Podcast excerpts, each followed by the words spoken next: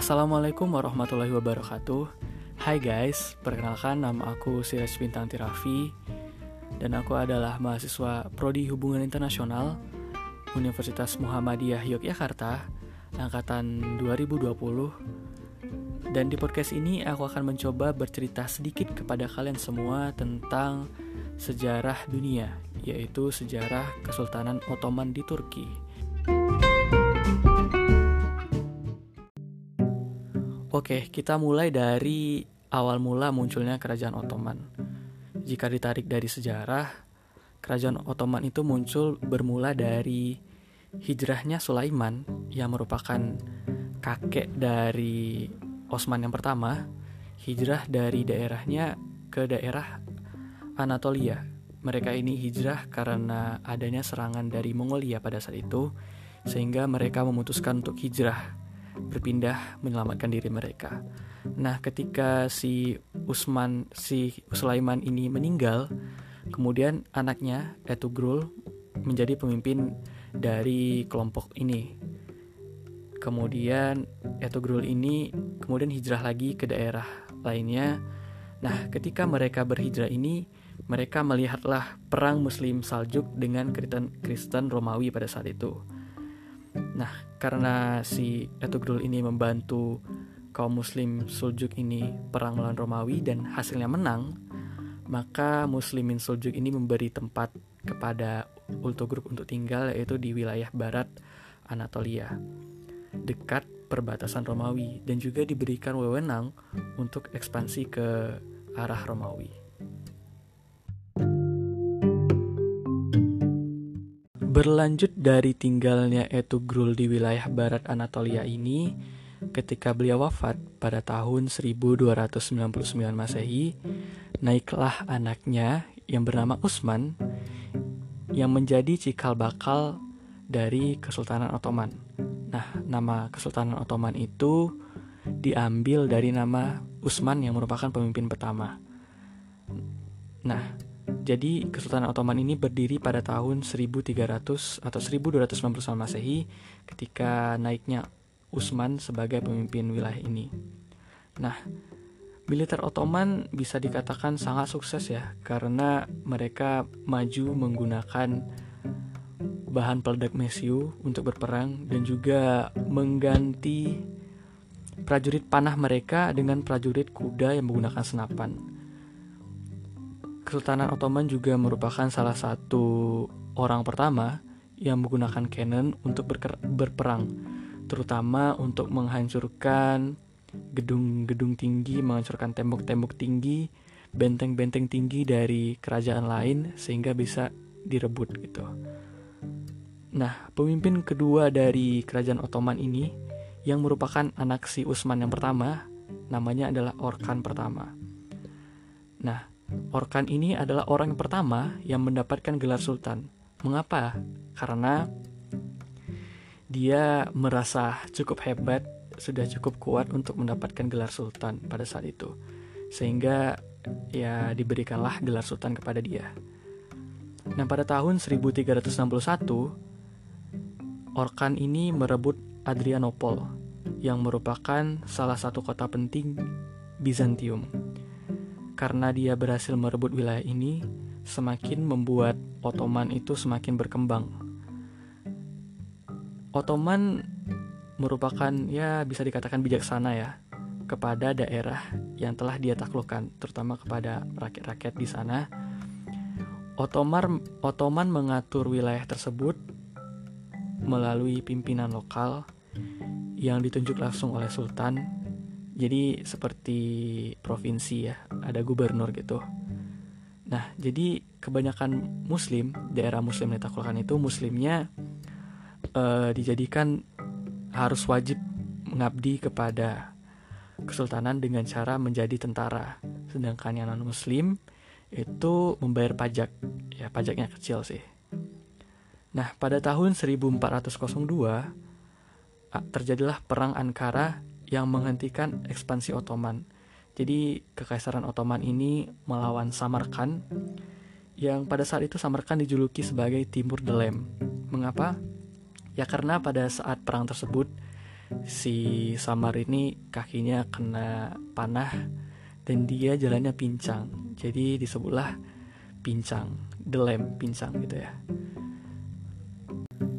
Setelah perang Ankara pada tahun 1402 itu selesai dan Timur Delem lebih fokus ke daerah Cina, terjadilah perang empat saudara di internalnya Kesultanan Ottoman yang pada akhirnya dibenangkan oleh Mehmet pertama.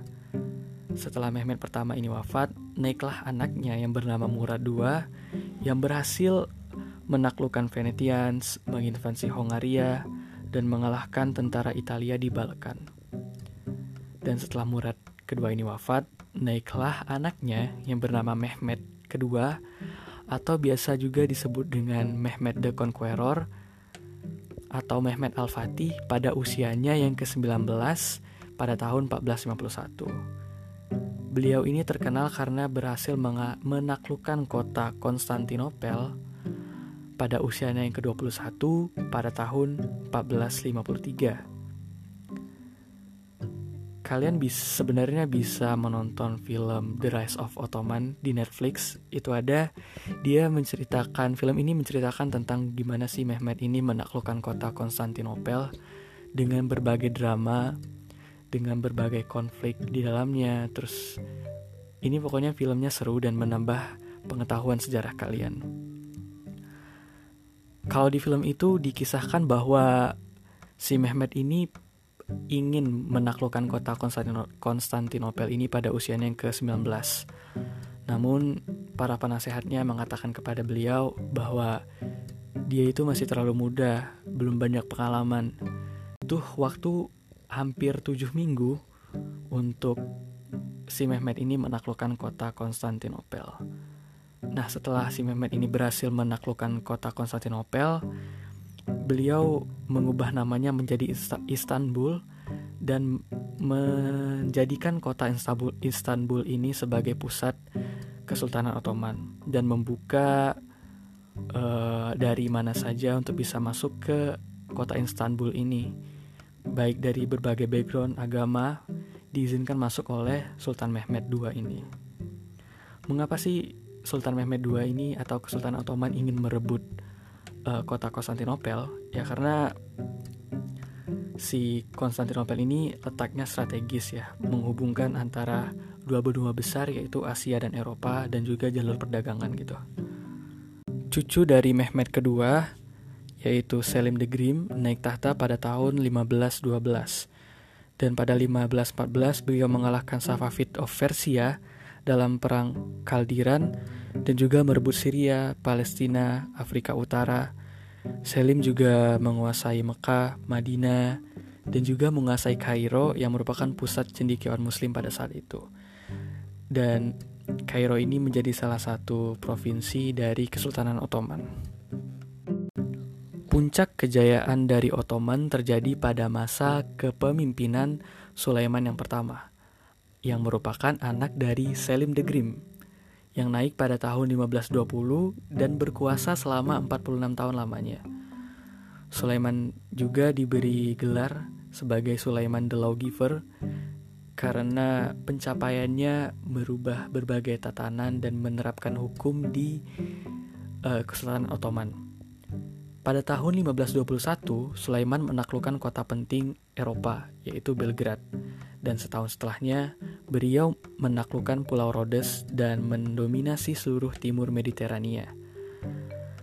Menggunakan armada lautnya, Ottoman merebut Tripoli di pantai utara Afrika, kemudian juga merebut wilayah di sepanjang garis pantai Afrika Utara. Walaupun hanya merebut wilayah pesisir, namun Ottoman berhasil menguasai jalur perdagangan di sana. Dan pada tahun 1526, Ottoman berhasil merebut Hungaria, Australia, yang membuat Eropa panik pada saat itu. Dengan hanya menggunakan itu, selama kepemimpinannya di Istanbul, Ottoman ini telah melakukan perang ke Eropa, Afrika Utara, dan juga Asia Tengah, dan menjadi kerajaan terkuat di dunia pada saat itu berbagai pencapaian dari Sulaiman pertama ini adalah adanya struktur kerajaan dan sosial yang baik. Sulaiman membentuk hukum untuk kriminal dan perilaku manusia, kemudian menyederhanakan dan mengurangi pajak, mengatur sistem dan mengurangi birokrasi pemerintahan menjadi lebih simple dan juga karena pencapaian-capaiannya ini dia disebut sebagai lawgiver.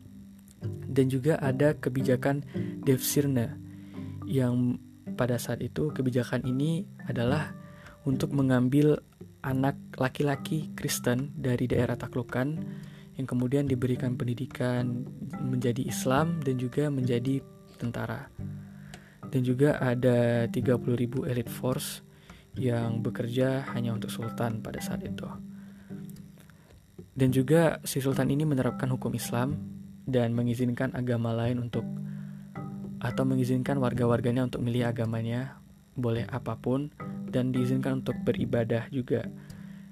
Jika agamanya lain dari Islam, itu ada pemimpinnya dan si pemimpin itu melaporkan kegiatannya kepada si sultan atau kepada staf kesultanan. Dari kebijakan ini mengurangi konflik antar agama yang terjadi pada saat itu. Dan juga ada uh, budaya juga berkembang, terus juga arsitektur berkembang dan juga ada pembangunan masjid yang arsitek itu terbaik yang bernama Sinan yang berasal dari Albania membangun komplek masjid yang ada sekolah, rumah sakit, perpus dan yang itu sangat bermanfaat untuk rakyat di sana. Dan juga seni juga berkembang yang menjadi cikal bakal Turki style yang ada sekarang. Melemahnya Kesultanan Ottoman disebabkan karena Sultan Sulaiman salah langkah dengan membunuh anak terbaiknya dan mengasingkan yang lainnya. Kemudian naiklah anak ketiganya yang bernama Selim kedua naik tahta. Namun beliau ini tidak berkompeten untuk mengurusi urusan kesultanan menjadi pemimpin. Dan juga sultan menerapkan kebijakan yang aneh sehingga menyebabkan terciptanya pemimpin-pemimpin yang lemah karena sultan mengurung mereka di penjara, terus tidak ada pendidikan dan memutus kontak langsung dengan dunia. Kemudian ada faktor-faktor runtuhnya kekaisaran Ottoman. Yang pertama adalah teknologi karena kekalahan teknologi dari bangsa barat, terus adanya pemberontakan di wilayah-wilayah yang Ottoman pimpin, karena mereka ingin merdeka dan terpengaruh oleh Barat. Kemudian, yang paling penting adalah ketika faktornya adalah ketika mereka masuk ke dalam Perang Dunia Pertama pada tahun 1914 yang menjadi sekutu dari Jerman. Nah, pada saat Perang Dunia Pertama ini, karena Jerman kalah dan Turki juga kalah, mereka kehilangan berbagai hal, berbagai tempat, berbagai wilayah otoriter, kehilangan ekonomi, kehilangan militer, sehingga menyebabkan wilayah mereka dikuasai oleh Barat. Sehingga pada tanggal 3 Maret 1924, Kesultanan Ottoman dibubarkan dan pada tanggal 20 April 1924 terbentuklah Turki Republik di tangan Mustafa Kemal. Berbagai warisan Ottoman yang masih terasa hingga sekarang meliputi bidang kebudayaan, dan sosial yang mampu mengaruhi kebudayaan masyarakat modern sekarang. Karena Kesultanan Ottoman merupakan imperium yang besar, sehingga mereka mampu mempengaruhi uh, kebudayaan masyarakat di sekitarnya. Kemudian ada juga di bidang seni, di bidang arsitektur seperti arsitektur masjid, kaligrafi, arsitektur gedung yang sangat indah. Kita bisa lihat sekarang di Turki. Kemudian ada ilmu pengetahuan di bidang geografi, terus matematika, sejarah, kemudian ada astronomi, fisikawan yang muncul, tokoh-tokoh penting ya dari bidang-bidang tersebut pada zaman Kesultanan Ottoman. Kemudian di bidang militer karena anak-anak dari non-muslim, baik yang muslim maupun non-muslim ditarik ke militer untuk dilatih sehingga mampu mempengaruhi militer-militer yang ada di daerah sekitarnya.